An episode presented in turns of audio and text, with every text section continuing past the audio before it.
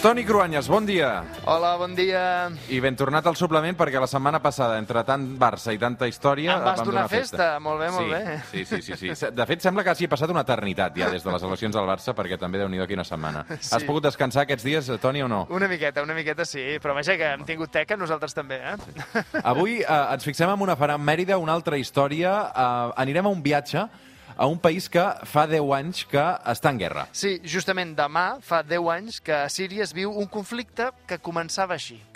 Fa cinc dies que els manifestants surten als carrers d'Adra demanant llibertat. Ahir, un miler es va tancar a la mesquita.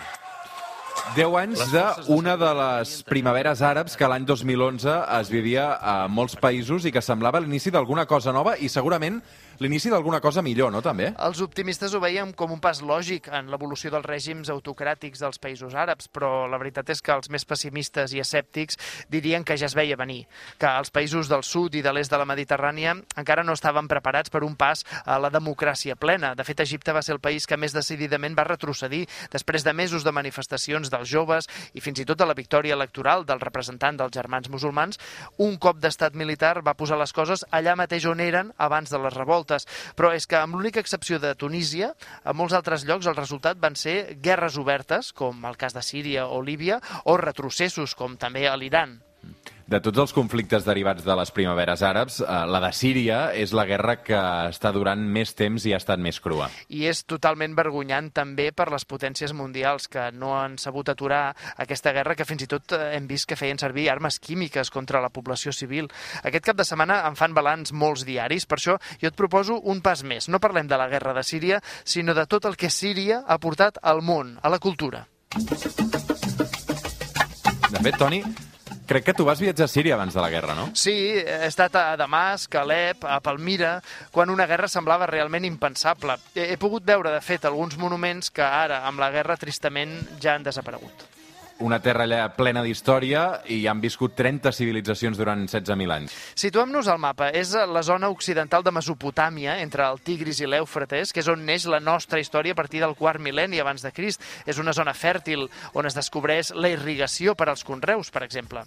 Sí, i també es va descobrir el bronze i es va iniciar l'escriptura. Sí, la cultura s'hi desenvolupa a les ciutats més antigues de les que es té coneixement, com Mari, Ugarit, Biblos. Són ciutats-estat que van extendre el seu poder respecte a les altres en moments diferents de la història. I després hi ha també una gran llista de pobles que van dominar el que és l'actual territori de Síria fins la seva independència, ja al segle XX. Hi ha els hitites, egipcis, hebreus, assiris, perses, grecs, l'imperi selèucida, romans, àrabs, àrabs, mongols, otomans i finalment francesos. Síria, eh, diguem-ne que ha format part de les nostres grans civilitzacions antigues i medievals, l'imperi otomà, Pèrsia o Babilònia.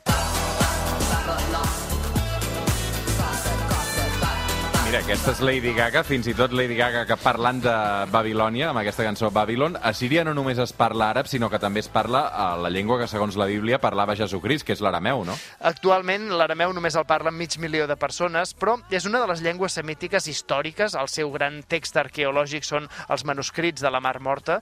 Una altra de les curiositats, també de Síria, eh, és les capes que es van superposant en aquesta història d'un país que realment ens dona de tot, com per exemple les ruïnes de Palmira, és la construcció de l'imperi romà més a l'Orient, més oriental, més allunyada de Roma. Una visita a les ruïnes demostra com els romans, que ja havien evolucionat cap a sistemes més democràtics de poder, per lluitar contra la visió teocèntrica dels règims asiàtics, van assimilar una arquitectura més grandiloquent. Per tant, veus les columnes, els amfiteatres, la disposició del cardus i el decumanus típic romà, però amb uns temples més propis de societats religioses, enormes, molt grans.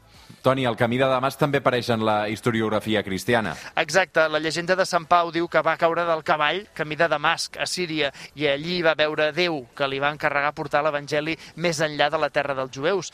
Així va ser com algunes ciutats de Síria, com Antioquia, es van convertir en les primeres comunitats cristianes fora d'Israel. Segles després, però, l'islam s'imposaria a Síria i, de fet, podem dir que des del segle VII la cultura àrab i la religió islàmica serien les que definirien Síria ja per sempre més.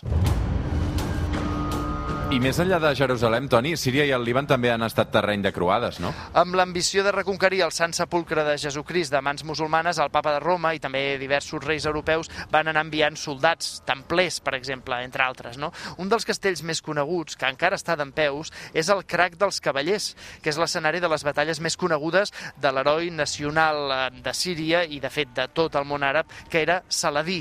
D'ell es diu que va lluitar i guanyar, entre altres, contra el rei croat d'Anglaterra, Ricard Cordelló. Aquí hi ha una història de tot, eh? de lluites, de cavallers, d'art... Sí, home, potser la petja més profunda de Síria és la dels quatre segles en què va formar part de l'imperi otomà. Va ser temps de prosperitat, de comerç, en què les ciutats de Damasc i Alep van ser importants centres comercials. Eren parades obligatòries de les caravanes de beduïns del desert o dels pelegrins que anaven cap a la Meca des d'arreu del món. Precisament per la riquesa econòmica i cultural de les ciutats de Síria i també de l'Iraq, al segle XIX es va forjar aquí un nou nacionalisme àrab que va iniciar un procés de desacralització de la política, que al segle XX va tenir el seu moment més àlgid, especialment després de les guerres mundials i d'aconseguir la seva independència de les potències colonials. En el cas de Síria, la independència respecte a França.